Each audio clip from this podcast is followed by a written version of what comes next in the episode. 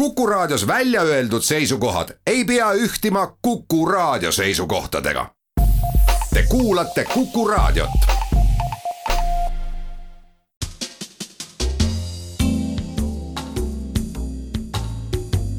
tarkade klubi tere tulemast, head Tarkade klubi kuulajad, mina olen suvine Tarkade klubi saatejuht Hannes Rumm ja tervitan teid sel suvel saatejuhi rollis viimast korda, sest olümpiamängud hakkavad lõppema ja Timo Tarve tuleb tagasi siia harjumuspärasesse stuudiosse teiega laupäeviti väärikalt aega sisustama. aga oleme eetris siis täna, seitsmendal augustil ja tavakohaselt vaatan tagasi, mis sellel päeval maailma ja Eesti ajaloos on toimunud usun, et halb päev oli äh, tänane päev eestlaste jaoks kahe tuhande kaheksandal aastal, mil algas sõda Gruusia ja Venemaa vahel ja millele eestlased väga emotsionaalselt kaasa elasid. ja selle sõja tulemusena, nagu me mäletame, Gruusia kaotas suure osa oma territooriumist. Eesti ajaloos oli tänane päev huvitav kolmkümmend aastat tagasi, sest siis saabus Tallinnasse oma kuulsust, oma kuulsusrikast teed alles alustav Vene poliitik Vladimir Žirinovski maailmas tunti teda veel vähe, aga ta oli üllatanud Vene presidendivalimistel, kus ta siis kandideeris Boriss Jeltsini vastu, võitis kuus miljonit häält. ja ka Tallinnas kogus, kogunes teda kuulama tuhat inimest. ja äh, Žirinovski sõnum siis kaks nädalat enne augustiputši oli selline, et, et head inimesed, pange tähele, tänavu sügisel võib korduda tuhande üheksasaja seitsmeteistkümnenda aasta sügis. Venemaal on oodata või NSV Liidus on oodata riik, äh, sõjalist riigipööret ja et kui tema oleks Venemaa president, siis ta moodustaks kohe Balti kubermangu, kuhu kuuluvad Eesti, Läti, Leedu ja Kaliningradi oblast. me teame hästi, kuidas asjad tegelikult läksid, aga Vladimir Žirinovski karjäär on jätkuvalt, on, on jätkuvalt täies hoos ja elatab ta ennast poliitikaga Venemaal jätkuvalt suurepäraselt ära. aga läheme nüüd tänase mängu juurde, traditsioonilise Tallinna ja Tartu maavõtu juurde ja Tartu tiim on meil täna siis esindatud ainult naismängijatega meeskonna kapten, vabandust, naiskonna kapten on Janne Orro, ametilt loomaarst, tarkade klubi kuulajatele varasemast tuttav, nagu ka Tartu mälumängijatele erinevalt Tartu mälumängudelt. tere päevast, Janne! tere! ja Janne tiimikaaslane on täna Gea Kangilaski, Tartu abilinnapea, kes vastutab rahanduse ja linnavarade eest.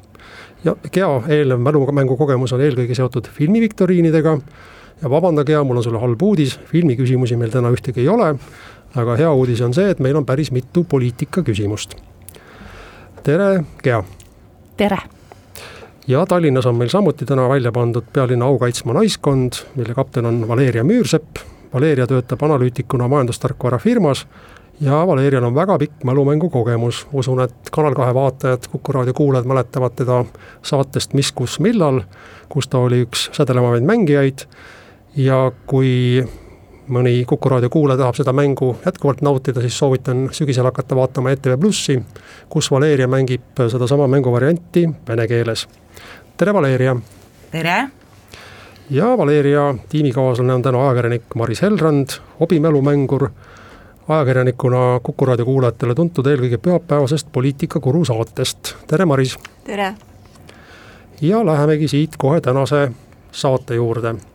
meie tänased saate teemad on ah ilma naisteta, teiseks ei me ette tea, kolmandaks põdral majametsa sees, neljandaks hoogne võistlus puhkeb varsti. Ja viiendaks Isamaa ilu hoieldes. nagu kuulajad on juba harjunud, on teemad Tarkade klubis suviselt sõnastatud mänguliselt, teema nimetused on laenatud tuntud Eesti lauludest või lastelauludest, aga viitavad üsna selgelt siis sellele teemale, mida need küsimused katavad ja nagu meil loos enne mängu välja selgitas, alustab Tartu tiim, palun, Gea ja Janne, teie valik, millise teema valite? no kapten valib vast. noh, ei, võib-olla kaptenil on ka alati võimalus vigu teha, aga ma siiski valiksin põdral majametsa sees. no kõige luulisem pealkiri kindlasti ja kõlab see küsimus niimoodi. USA presidentide koduloomad on alati olnud ülemaailmsed meediakangelased kui Joe Biden kolis Valgesse Majja, siis võttis ta kaasa oma saksa lambakoerad Champi ja Majori. kahjuks Champ suri juba juunikuus. aga mina lähen oma küsimuse taga, küsimusega tagasi kaugemale ajalukku ja tahan teada, millise kodulooma tõi Valgesse Majja aastal tuhat üheksasada üheksa president William Taft. Taftil olid ka koerad Valges Majas kaasas, aga tema äh, kõige kuulsam koduloom Muuli Wooli jättis penid varju eriti meeldis fotograafidele pildistada, kuidas Muuli-Vuuli Valge Maja murul jalutas. kui täftid sõitsid suvepuhkusele Massachusettsisse, võtsid nad ka oma lemmiklooma kaasa.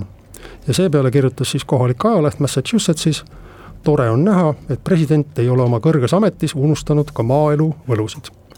mis loom oli Muuli-Vuuli? nii, maaelu võlud, jalutab Valge Maja murul muuli-vuuli on selline nimi ka, mis jah. on nagu justkui lambale viitav. või kitsele. jah, just. et äh, kui mõelda selle Valge Maja murul jalutamise peale, siis mina küll esimese hooga mõtlesin, et ehk on tegu kilpkonnaga, keda noh, kes ei, kes ei liigu ülimalt kiiresti ja keda saab lasta niimoodi jalutama, aga aga see nimi kuidagi väga ei, ei või, ei nagu hästi ei klapi. kilpkonn ei viita maaelule ka. just kuidagi. nimelt, täpselt, et see on üks reegleid siin mälumängus üldiselt, et tasub küsimust hoolikalt kuulata. et äh, kas lammas või kits? no vot, väga raske otsustada. mul esimesena tuli lammas pähe, siis siis mina hääletaksin võib-olla selle tavaliselt esimesena pähe hüppav vastuse variant on õige ka, nii et las jääda see lammas ja seekord lammas on küll tore koduloom, aga veab Tartut alt ja vastata saab Tallinn. no see Wooli nimes kindlasti ka kohe viis meie mõtted siin äh, lamba või kitse peale ja äh, jaa, aga nagu siis noh, tegelikult naljakas, et esimene mõte meil oli ka kilpkonn, aga siis sa ütlesid, et koduloom, et äh, see siis kogu segas.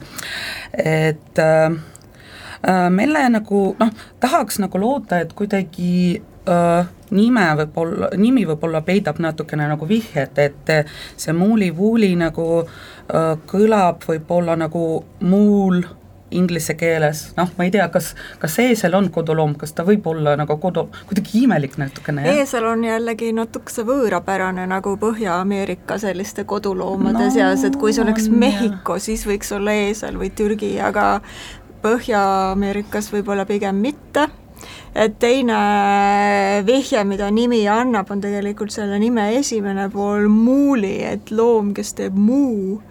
aa, kas tõesti ta tõi lehma kaasa Valge Majja?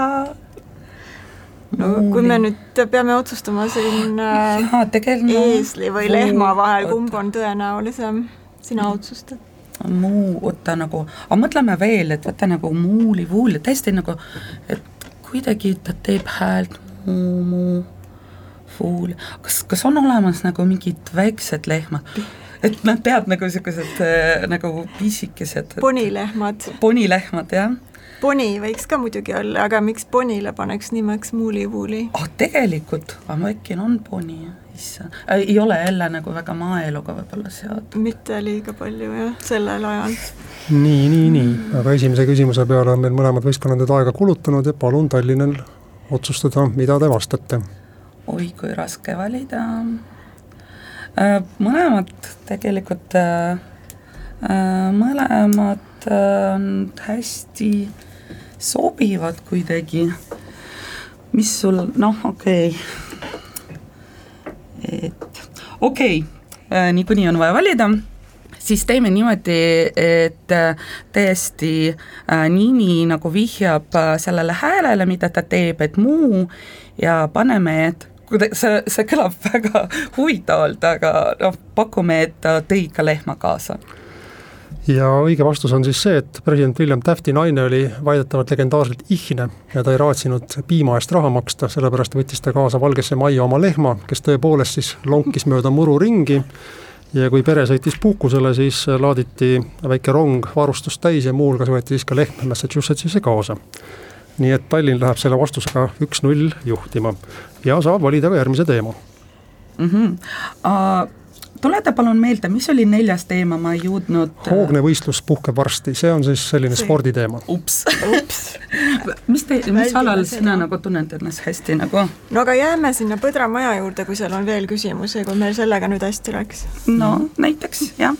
järgmine Põdra maja küsimus toob meid Eestisse ja kõlab nii see, mida ja keda mingis riigis väärtustatakse, näitab see, mida kujutatakse selles riigis välja antavatel markidel ja müntidel Omniva annab tänavu välja üle kahekümne margi ja Eesti Pank annab tänavu välja kuus meenemünti.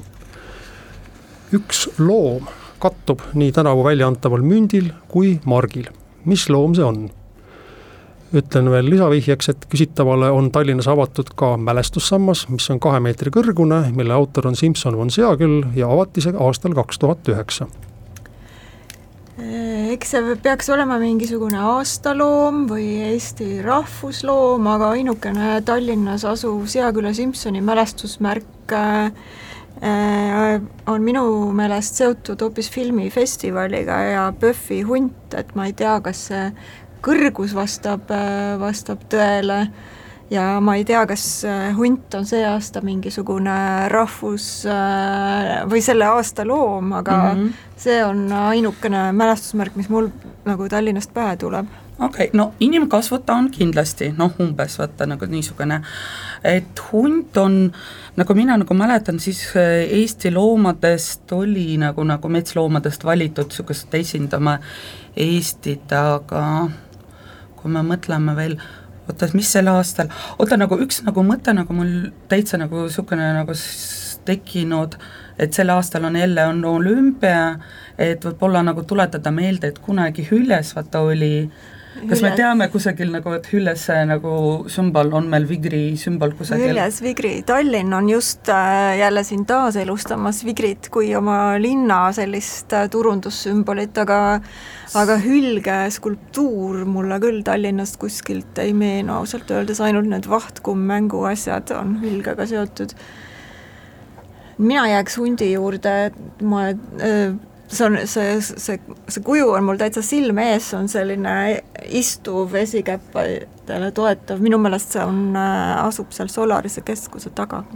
ja nii ta on, et äh, Tallinn on nüüd kõik ära öelnud oma, oma mõtiskelus, tõepoolest äh, see ausammas, mis siis avati, oli Solarise ees Pimedate Ööde filmifestivali loomakuju. Ja kuna hunt kahe tuhande kaheksateistkümnendal aastal valiti Eesti rahvusloomaks, siis nüüd kolmeaastase viiteajaga nii Omniva kui Eesti Pank on jõudnud nii kaugele, et et on andnud välja äh, või annavad välja hundimündi ja hundimargi. Tallinn rebib ette kaks-null, aga Tartu saab lohutuseks valida teema, et alustada järelevõtmist. palun, Tartu mina paluks natukene mälu värskendust, et mis see viimane äh, Isamaa ilu hoieldes, see viib meid mhm. tagasi, selle, selle sarja küsimused viivad meid tagasi aastasse tuhat üheksasada üheksakümmend üks või siis laulva revolutsiooni aastatesse. ahhaa, no Gea, mis sina arvad? no mina arvan, et me võime püüel-, püüelda Isamaa ilu küll. nii, aga siis, siis siis selline küsimus. Viib ta meid küll täpsemini aastasse tuhat üheksasada kaheksakümmend kaheksa, mil hakati Edgar Savisaare algatusel tegema Eestis midagi, mille Savisaar laenas mujalt maailmast ja mis on mujal maailmas, oli ja on praegu laiali, laialt levinud ja mis on poliitikute jaoks oluline seda tegevust nimetatakse ühe tuhande üheksasaja kolmekümne viiendal aastal Washingtonis asutatud ja tänini edukalt tegutseva firma nime järgi.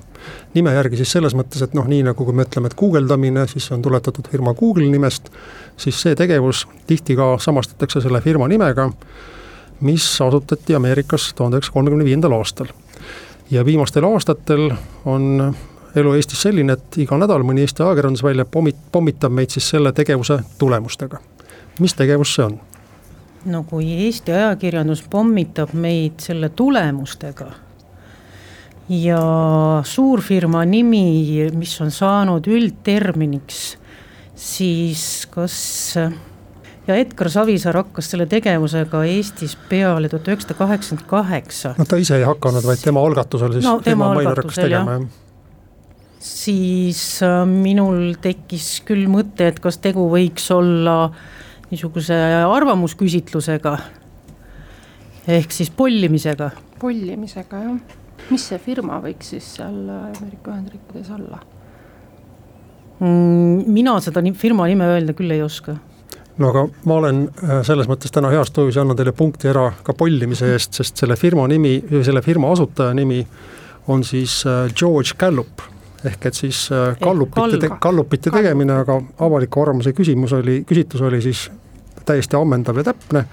Tartu võtab järgi kaks-üks ja järgmise teema valib taas Tallinn mm. -hmm aga äkki jääme ka selle Isamaa ilu juurde, kuna me nüüd äh, siin äh, taustal omavahel ka päris kiiresti selle sama tulemuseni jõudsime. ja järgmine küsimus sarjast Isamaa ilu hoieldes ei ole siis tavaline mälumängu küsimus, vaid äh, ma räägin teile ühe anekdoodi sellest ajast ja palun teil siis selle anekdoodi lõpetada sobiva puändiga.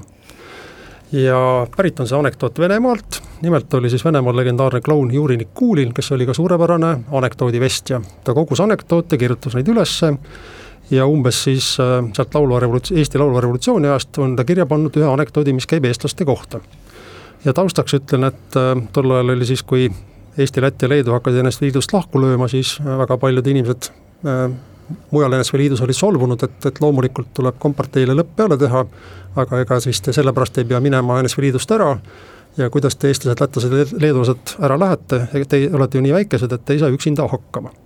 ja sellest tundest ajendatuna siis oli sündinud ka Venemaal selline anekdoot Eesti külamees püüdis kinni jänese, viis koju ja ütles naisele, prae jänes, prae jänes meile õhtusöögiks ära. Naine ütles vastu, ei saa praadida, õli ei ole. külamees ütles siis, et no keeda siis jänes ära, mille peale naine vastas, et ei saa keeta, meil ei ole ju gaasi. külamees ütles siis, et soola jänes sisse, sööme hiljem. naine vastas, ei saa, soola pole meil Eestis juba enam ammu.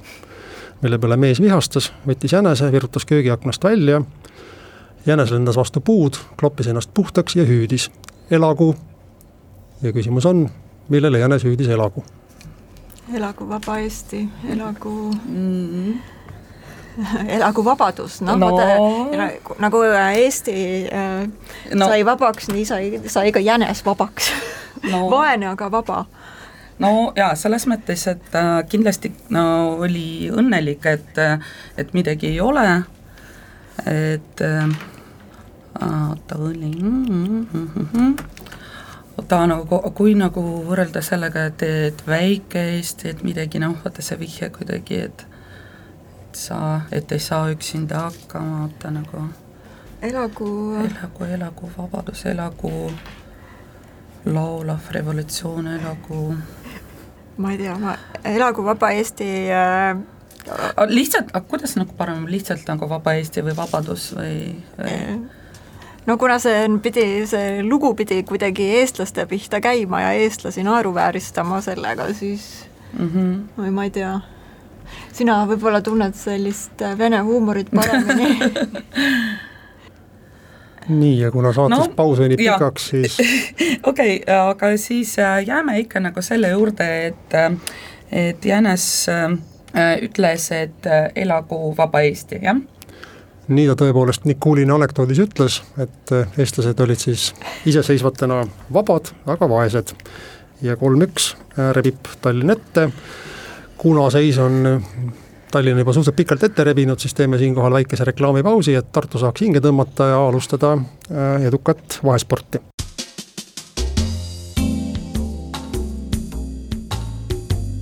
tarkade klubi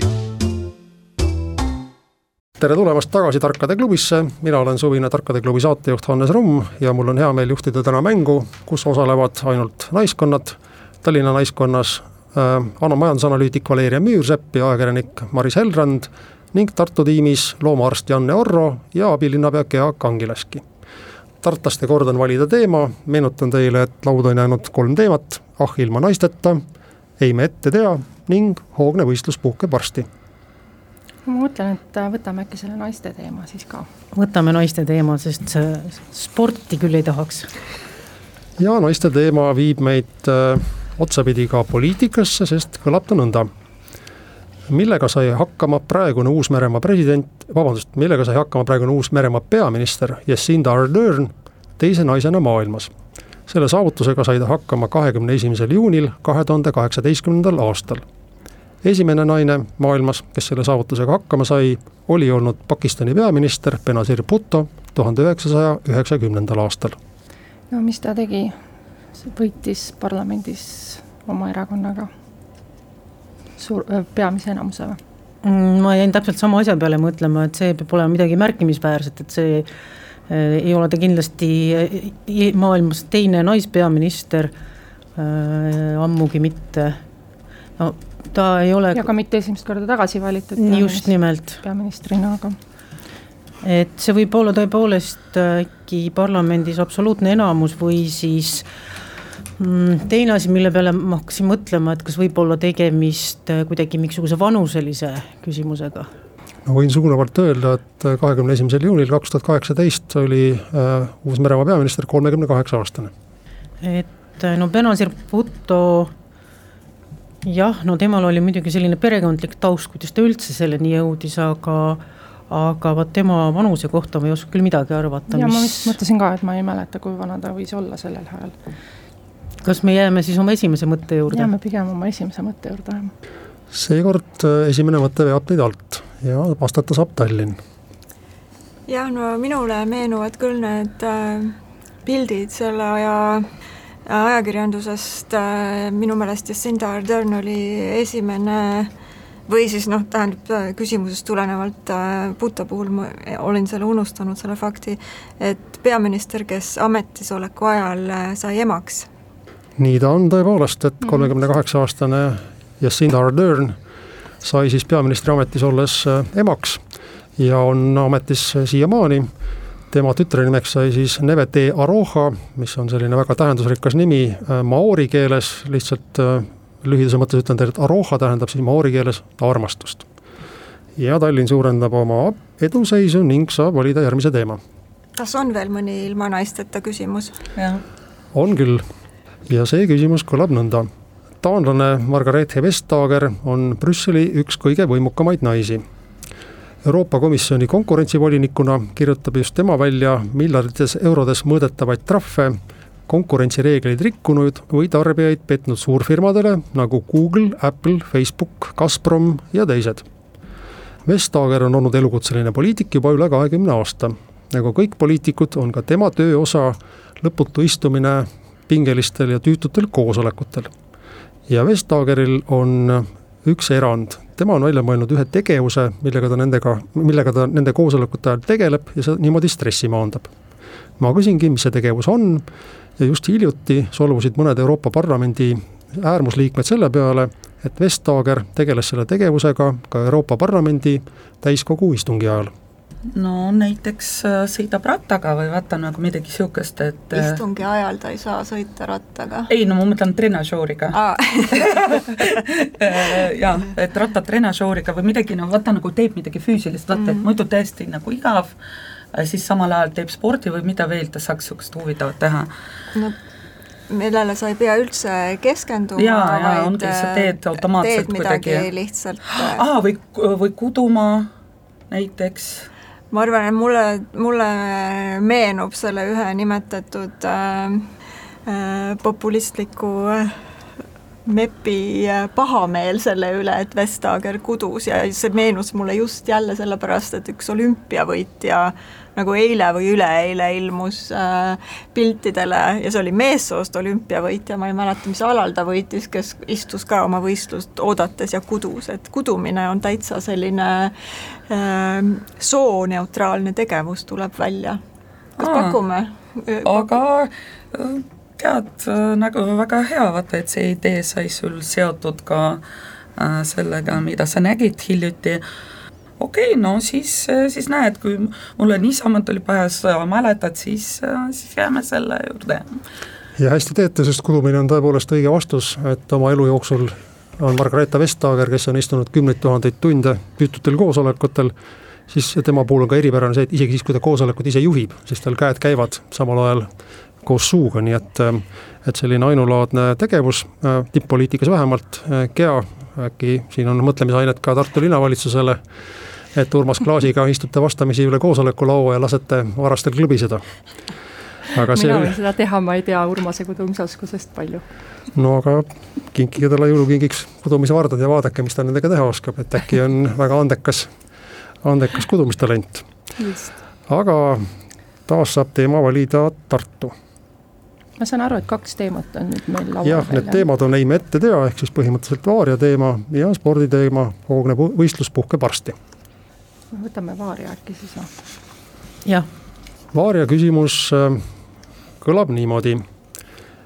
Vene ajalehe Izvestia asutasid kommunistid tuhande üheksasaja seitsmeteistkümnendal aastal ning see on tänini tuntud ja mõjukas ajaleht Venemaal. Washingtonis on selline muuseum nimega Museum, kus on välja pandud siis maailma ajakirjanduse ajaloo väljapaistvamad pärlid ja üks selle museumi seinu on siis selline, mis on kaetud legendaarsete ajalehtede esikülgedega. ja enamasti on seal loomulikult ingliskeelsed ajalehed, aga on ka üks Izvestia esikaas. ja sellel esikaanel on suur-suur pealkiri kirillitsas ühesõnali-, mis ütleb ühesõnaliselt Armageddon. ja mina tahan teada, millisel kuupäeval sellise esiküljega Izvestia ilmus. mis aastal see oligi? Tuhat üheksasada seitseteist, jah? ta on asutatud üheksasada seitseteist, mhm. aga mis ajast on Armageddon esiküljel, seda meile minu meelest küsimuses ei öeldud. seda tõesti ei olnud seal öeldud. aga eeldus oli, et see peab olema mingisugune sündmus, mis äh, jättis ikkagi nii tugeva mulje, et, äh, et selline asi esilehele pandi. Muidugi, kui arvestada seda, et muuseum on Ameerikas, siis äkki see on üheksa üksteist mis nagu nii põrutavalt mõjus, et Izvestia esikaanele, kaanele mm -hmm, pandi Armageddon. just mõtlesin ka, et ei usu hästi, et see revolutsiooniaegsest ajast on, pigem hilisemast mm,. jah ja,, noh, mis ameeriklastele endile rohkem korda läheb. just nimelt, et vaevalt, et nad valiksid sinna mingisuguse, mingisuguse esikaane. Aurora kogupaagi. mis jah, oleks, oleks nagu niivõrd äh, Venemaa keskne mis ma teid ikka pikalt kiusan, see on täiesti õige vastus, tõepoolest siis äh, äh, ameeriklasi vapustas see, milline oli ühe Vene ajalehe esikülg pärast seda, kui toimusid üheteistkümnenda septembri terrorirünnakud.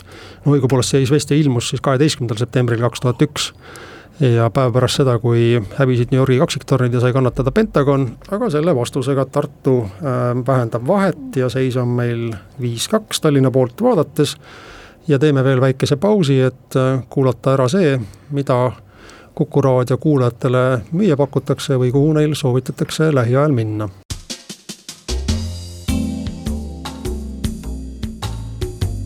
tarkade klubi. tere tulemast taas saatesse Tarkade klubi, alustame saate viimast kolmandikku aega. Äh, praegu juhib mänguseisu järgi Tartu naiskond vabandust, Tallinna naiskond koosseisus Valeria Müürsepp ja Maris Helrand. Tartu tiimis osutavad isa vastupanu Gea Kangilaski ja Janne Orro ning seekord saavad küsimuse valida tallinlannad, palun. Varja ikka, jah? no võtame ikka Varja jah, see sport on meie häving, ma kardan. jah, kuidagi. ja teine Varja küsimus kõlab nõnda.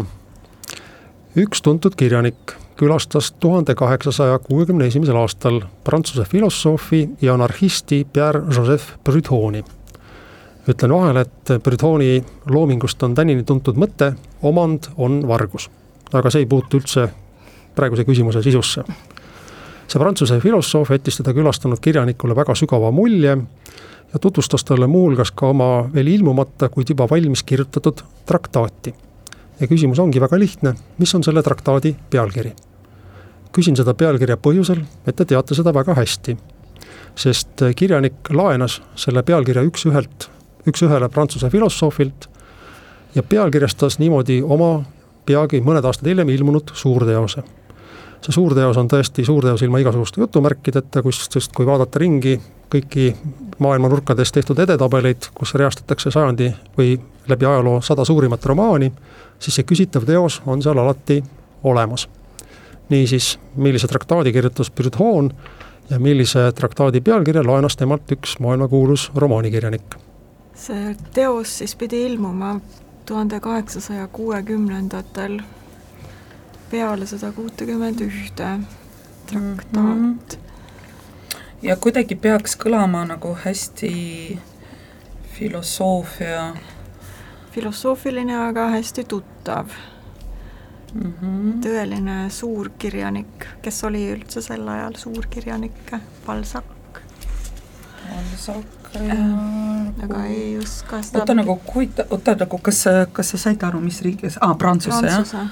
Prantsuse Honoré de Balzac, kes nagu Dumas juba elanud, issand, kes seal veel, kas ta, ta ei pidanud, kirjanik ise ei pidanud prantslane võib-olla nagu olema või? ma tõepoolest, küsimus on öeldud, et kirjanik külastas seda prantslast, aga ei ole öeldud, et kirjanik ise oli prantslane. jaa, et selles mõttes, et ta võib olla see teeb muidugi selle veel, veel raskemaks. ta nagu mingi, kas või mingi nagu mõte, vaata kas või mingi nimetus, kas või niisuguse filosoofia kalduvusega, et kui on traktaat, siis see peaks olema ikkagi mingisugune selline, ma ei tea, kas vabadusest või kui see Breton on kirjutanud omandist, siis äh, traktaat äh, Äh. Aa, aga tegelikult see võib olla üldse nagu mingi kapital või midagi niisugust üldse. aga kas, aga oota, nagu mis, millal see oli nagu tehtud millal, millal Marx kirjutas Kapitali, see oli vist äkki ikkagi hiljem äh, ja ma ei tea no., kas Marx kvalifitseerub kirjanikuks meil, võib-olla mitte. no mitte jah. Te olete nüüd pikalt mõelnud, aga ühtegi teose pealkirja üldse nagu jah, aga kuidagi ma ei ole veel kuulnud äh, ajamasin, mis iganes, vaata nagu mis nagu, vaata nagu Gerbert Wells, vaata mis, kas või pingid, vaata nagu kuulsad, kõik kuulsad raamatud läksid äh, peast välja kuidagi. Läksid peast meelde? aa, vaata nagu see äh,, see maailmade sõda nagu või ma ei tea, nagu midagi, mul, mul kuidagi ma olen nagu ajas ennast natukene nagu kadunud, et ma kuidagi äh, ei tea, kes millal elas et äh, kirjanikest. ja üldse ei tule meelde, sest siis see on nagu see aeg, kus Eestis oli umbes äh, esimene laulupidu natuke aega hiljem no,, aga jah. mis ja mille peale mõeldi ja missuguseid, missugune traktaat sel ajal kirjutati no ma ei tea, kas me saame anda Tartule selle võimaluse ja loobuda? no, no peame ikka midagi, kas või midagi nagu pakkuma, et äh, no pakume näiteks äh, maailmade sõda, nagu see äh,, kuidas see War of Worlds nagu midagi niisugust. jah, aga see ei ole maailmade sõda. kuigi, kuna Tartu on kaotusseisus, siis ütlen, et äh, tera tõtt selles teie pakkumises on aga nüüd saab Tartu edasi mõelda siit, et kui õige vastus ei ole maailma, maailmade sõda, mis siis võiks olla õige vastus? no minule jäi ka kõrvu see sõna traktaat, et noh, see on niisugune õpetlik kirjeldava sisuga kirjutis ja, ja välja toodi ka see, et tegu on tõeliselt kaaluka teosega, ehk siis see peab üks korralik telliskivi olema.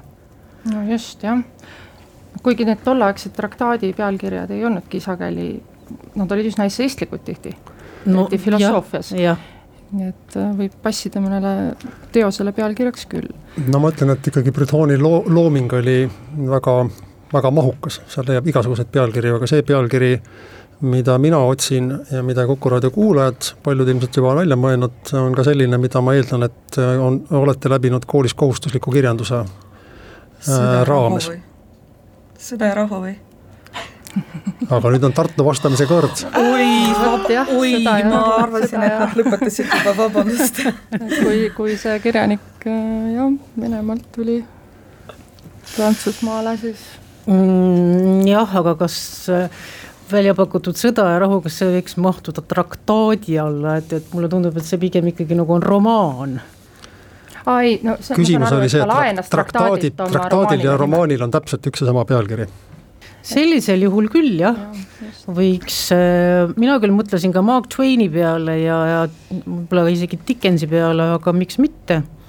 Miks mitte sõda ja rahu tõepoolest. riskime sõja ja rahuga, kuivõrd sõda kuidagi no nüüd küll Valeria kinkis, Valeria kinkis teile selle punkti, sest et, et kui Tallinn pingutas, pingutas, jõudis maailmade sõjani, mis oli siis nagu poolenisti õige pealkiri, aga tõepoolest see oli siis tuntud vene kirjanik Lev Tolstoi, kes külastas prantsuse filosoofi ja kui prantslane avaldas oma teose tuhat kaheksasada kuuskümmend üks, siis Tolstoi avaldas oma suurromaani Sõda ja rahu tuhat kaheksasada kuuskümmend üheksa.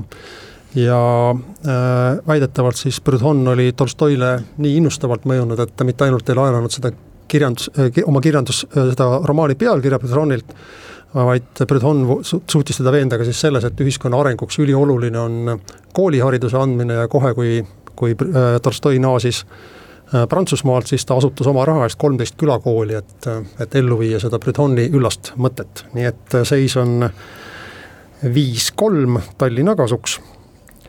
ja mäng ongi meil jäänud äh, kaks spordiküsimust, ega tartlastel ei olegi siin enam midagi valida, tuleb hakata vastama nii, nagu, nagu elu need küsimused meile ette on andnud. tuleb hakata tuleb sportima tuleb jah, vaadata näkku oma saatusele ja ikkagi see spordiküsimus vastu võtta.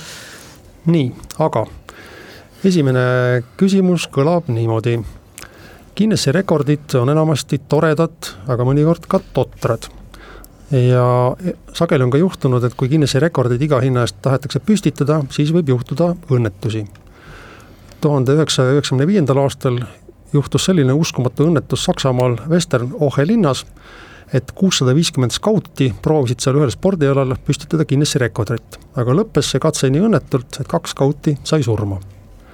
Teine õnnetus sellel spordialal on registreeritud tuhande üheksasaja seitsmekümne kaheksandal aastal USA-st, kui Harrisburgis üritasid umbes kaks tuhat kolmsada õpilast püstitada samal alal ka Guinessi rekordit, kuid kuuel osalejal tuli amputeerida sõrmi.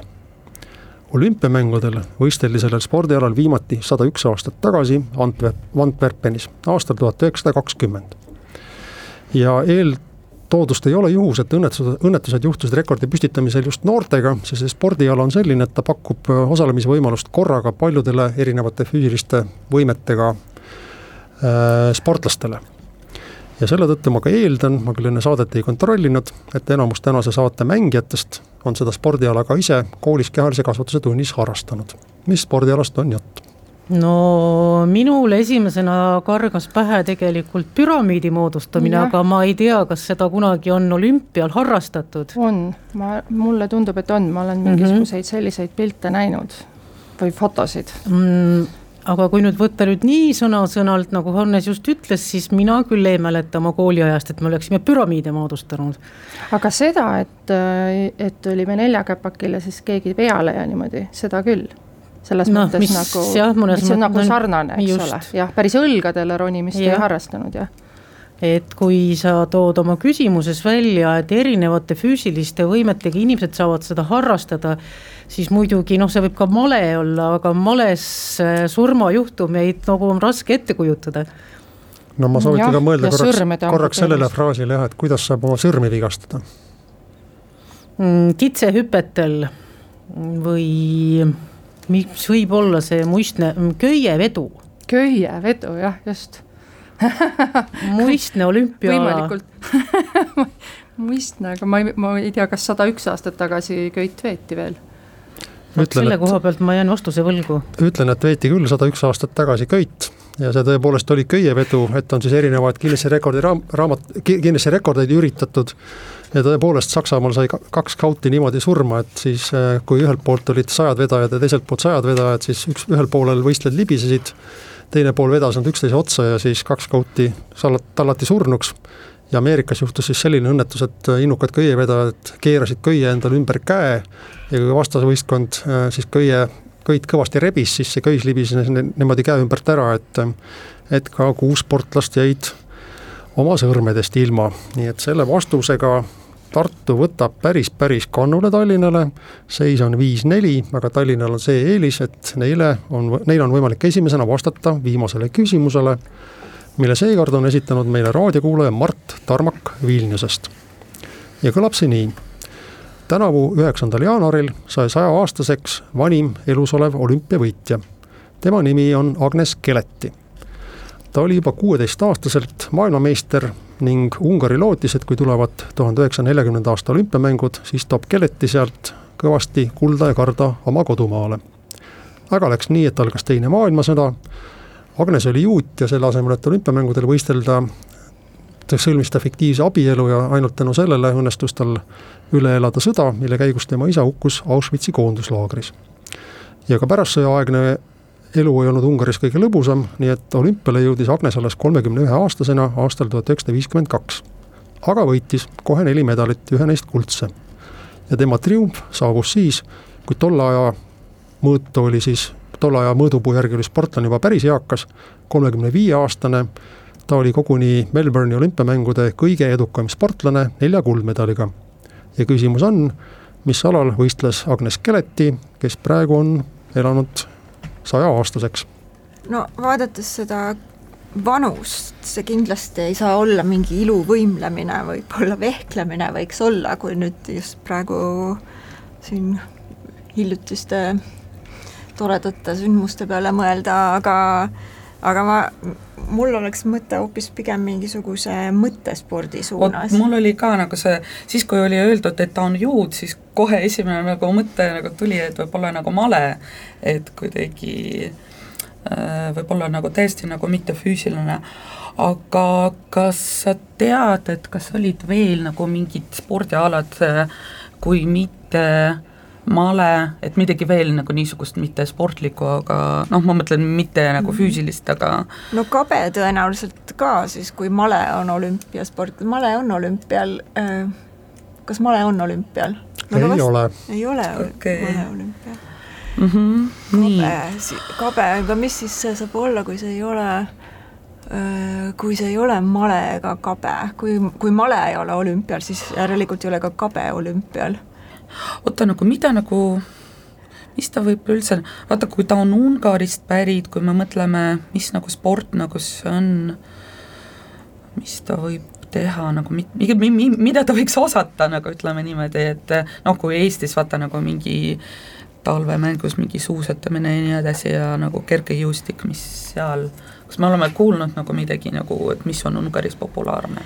no ja mis asi see saab olla, mida sai nagu inimene kuidagi pea, sõja, sõda ja... üle elades ja niimoodi veel harrastada, äkki äh, mingi laskmine või ma ei tea nagu.... laskmine võib-olla kusjuures, sest see ka ei ole võib-olla seotud sellise nii palju sellise füüsilise noorusega, kuigi ja vaata, ta peaks olema ikka nagu individuaalne enam-vähem mm. jah, nagu sest et äh, noh, kui ta, kui see oleks nagu võistkonnamäng, siis kes võtab niisugust, niisugust mm -hmm. vanukest nagu? Aga, aga vaata, kui tal on, kui ta on saanud siin neli medalit, viiskümmend kaks ja siis järgmine kord neli kulda, siis see peab olema mingi ala, milles on erinevaid jaa, stiile või erinevaid nagu distantse. nagu, et äh, ja need on individuaalsed, eks ole, et kus on nagu erinevaid stiile, äh, on ujumine näiteks, mingi sõudmine ei, seal sõudmine, ma ei tea, kolmekümne viie aastasel sõud no, jaa, ei saa, aga ujuda nagu ka nagu ujumine oota jaa, see on tegelikult kas naised üldse sõutsid, kas nai-, sellel ajal? ta nagu, see on nagu küll nagu hea nagu mõte sulle, et laskmise peaks... puhul ma ei tea, kas laskmine jällegi, kas laskmisel on äh, nagu mitu, erinevaid jaa, äh, mitu mingeid... erinevat ala, et oleks, et äh, sarnast nagu midagi sarnast äh, niimoodi, nüüd ma vaatan murelikult kella no, poole, mis tiksub saate lõppu ja. ja palun teil sõnastada oma vastuse. oi. ma mille, mulle tundub, et ujumine oleks kuidagi tõenäolisem, aga ma ei oska öelda, ujumine või laskmine kuidagi seal vahel otsustaks, kui nüüd need mõttespordid meil ära langevad, kui meil ei tule ühtegi veel mõttesporti pähe, mis võis siis olla praegu jah, nagu kuidagi ei tule meelde jah, et aga ma ei tea, kuidagi tahaks nagu siduda natukene nagu maailmasõjaga, võib-olla laskmine nagu natukene parem või, või mis sa arvad? jääb laskmine ah,, ma saan aru? jah, laskmine jääb jah. Ei ole paraku laskmine ja Tartul on suurepärane võimalus kaotusseisus viis-neli lõpetada mäng õige vastusega ja viigistada seis, palun no väga keeruline küsimus, ei tea küll sugugi, aga mingid jooksualad, kestvusalad väga kahtlane jah, et kolmekümne nagu viie ja just, et meil olid täpselt samasugused argumendid, käisid läbi peast, et seal peab olema mitu äh, erinevat distsipliini samal alal, et, et sul on üldse võimalik neid neli kulda võita. et ikkagi võib-olla riistvõimlemine no, sest seal on palju distsipliine ja, ja noh, Ida-Euroopast on tulnud väga edukaid riistvõimlejaid või sportvõimlejaid, kuidas mm -hmm. seda nimetatakse täpselt? ja teie pakkumine on? mingi võimlemine ja selle õnnetu mingi võimlemise eest saate te punkti ja viigistate seisu viis-viis. Sest tõepoolest, nii uskumatu kui see on, aga tol ajal oli siis Ungari võimleja Agnes Keleti maailma parim ja tegelikult tõesti ju, kui me mõtleme, siis, siis võimlejad saavad alati olümpiamängudel lisaks ujujatele enim medaleid, kuna seal lihtsalt on võistlusalasid kõige rohkem. ja Keleti puhul on siis huvitav see, et kuna viiekümne kuuendal aastal toimusid Melbourne'i olümpiamängud ja samal ajal surus NSV Liit maa ülestõusu Ungaris, siis suur osa Ungari koondisest ei naasnud kodumaale, niimoodi tegi ka Keleti, tema eelis oli see, et kuna ta oli juut, siis ta kolis Iisraeli ja elas oma, enamus oma elust seal, aga kui te arutasite siin pikalt ka füüsilise vormi üle, siis soovitan teil kuule, guugeldada nii teil kui Kuku kuulajatel Agnes Keleti nime, üks väga vahva pilt on temast tehtud üheksakümne kaheksa aastasena, kui ta siis on võimle-, dressides võimlemismatil ja viskab spagaati. nii et asi tal siis kolmekümne viieselt polnud olümpiakuldi võita aga sellega on meie resultatiivne mäng täna lõppenud, jääb üle küsida nii Tallinna kui Tartu tiimi käest, milline oli teie arvates mängu parim küsimus? ma pean tunnistama, et minule tegelikult väga sümpatiseerib see äh, emaks saamise küsimus. mina tegelikult teadsin seda, see häiris mind küll, et ma ei suutnud seda välja mõelda. aga mulle meeldis see Proudhoni küsimus ka, Sõda ja rahu kindlasti, meile kindlasti nagu meeldis see küsimus, sest et, sest et me ju kingisime selle vastuse, vastuse vastastikku ja ma, see jääb meile väga meelde, jah. ma arvan ka, et see võiks olla, selles mõttes see on ka selline Tartut ja Tallinnat väga ühendav küsimus, see sõda, sõda ja rahu. ja rahu ühendab Tartu ja Tallinna, kui kaunis. ja see viis meid viiki.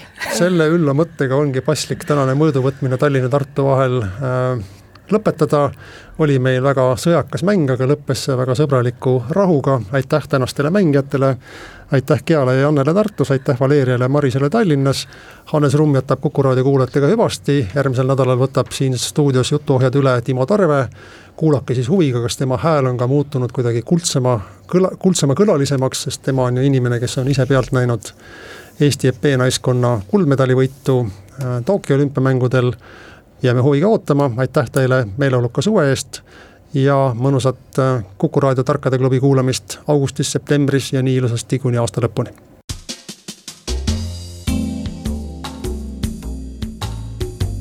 tarkade klubi